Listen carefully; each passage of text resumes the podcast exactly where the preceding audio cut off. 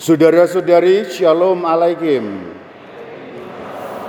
Kalau kita mendengar kata ibadah dalam bahasa Indonesia, umumnya orang berpikir mengenai peribadatan. Ibadah berarti itu doa. Kalau orang Katolik ya misa, ziarah, devosi, jalan salib, kemudian rosario tiga kali sehari sampai bibirnya salam Maria terus, salam Maria benerawat gitu. Doa. Karena kalau ibadah berarti doa.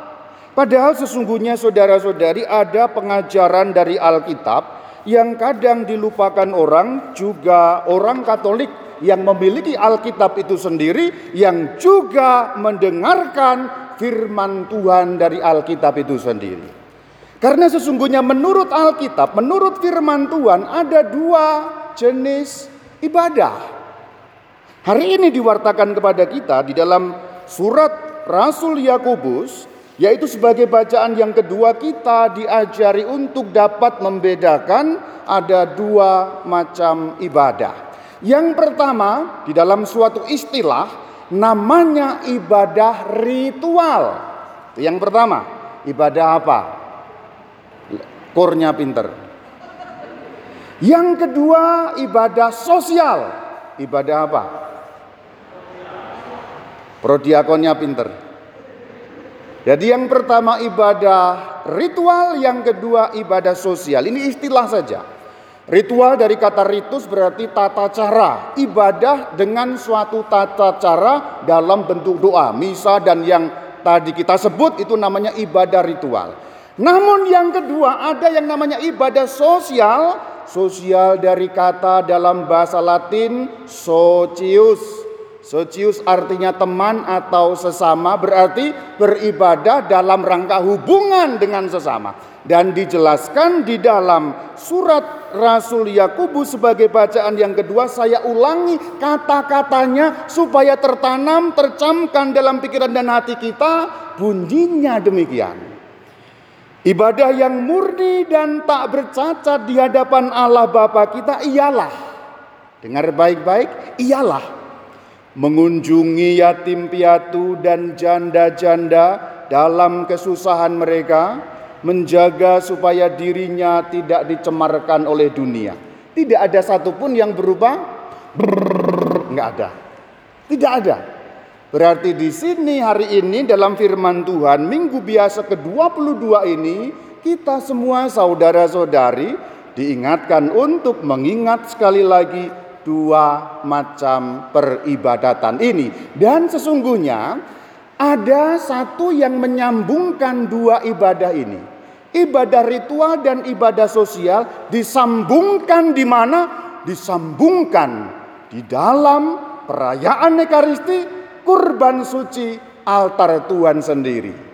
Karena di dalam setiap perayaan Ekaristi Kemudian kita sudah mengalami dari awal nota dia, kurnya nyanyinya luar biasa. Delapan suara ya. Delapan suara loh. Kemudian semua sudah dilakukan dengan baik. Nanti sampai bagian terakhir, setelah semua selesai, bagian terakhir itu terjemahan dalam bahasa Indonesia berbunyi, marilah pergi kita, kita apa? Marilah pergi kita, kita kita diutus. Di dalam bahasa Latin berbunyi ite misa es. Ite misa es. Ada lagunya loh. Kalau dinyanyikan sebenarnya di dalam bahasa Latin lagunya itu bagus sekali. Sebenarnya hanya memang sayang dalam terjemahan kita bahasa Indonesia tidak ada lagu untuk bagian itu. Kalau dinyanyikan bunyinya seperti ini, mohon maaf untuk suaraku yang tidak terlalu bagus. Kalau nanti kemudian kupingmu menjadi gatal, mohon maaf. Tapi lagunya memang bagus. Lagunya, lagunya begini. I, fales kan? Belum-belum sudah fales kan? Diingat-ingat dulu karena sudah lama tidak menyanyi lagu ini. Dadi dada, oh begini. Ite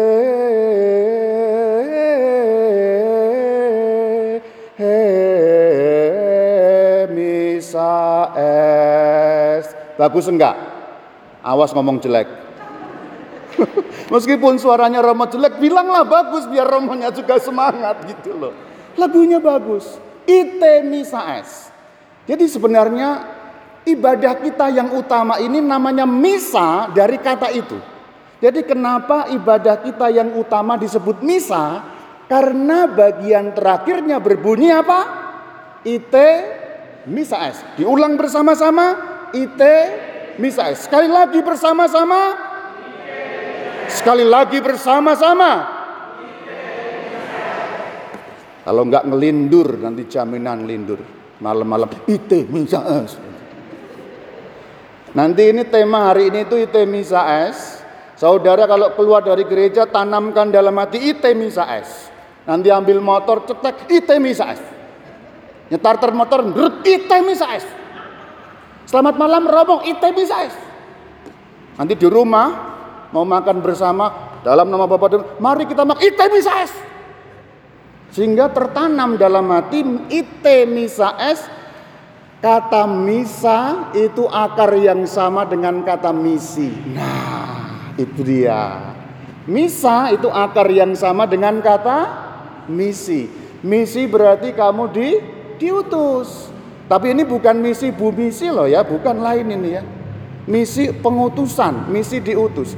Maka saudara-saudari sesungguhnya setiap kali kita selesai merayakan Ekaristi, kita diminta untuk menyambungkan ibadah ritual kita dengan ibadah sosial dalam kehidupan sehari-hari.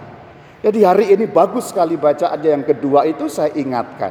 Ayo jangan sampai kita berhenti hanya di ibadah ritual sedangkan kita diutus ite misa es, diutus pergi untuk apa?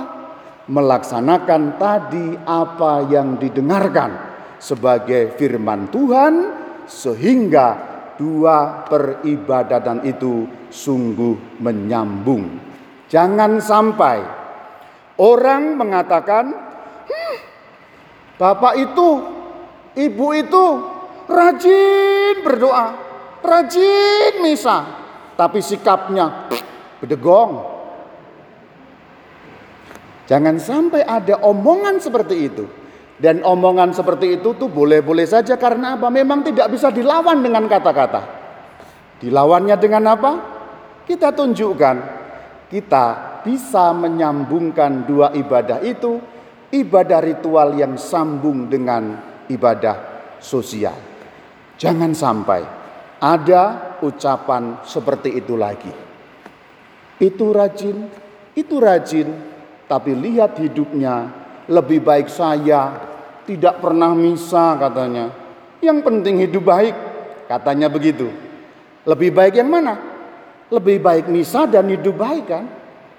Semoga kita dapat melaksanakan firman Tuhan hari ini.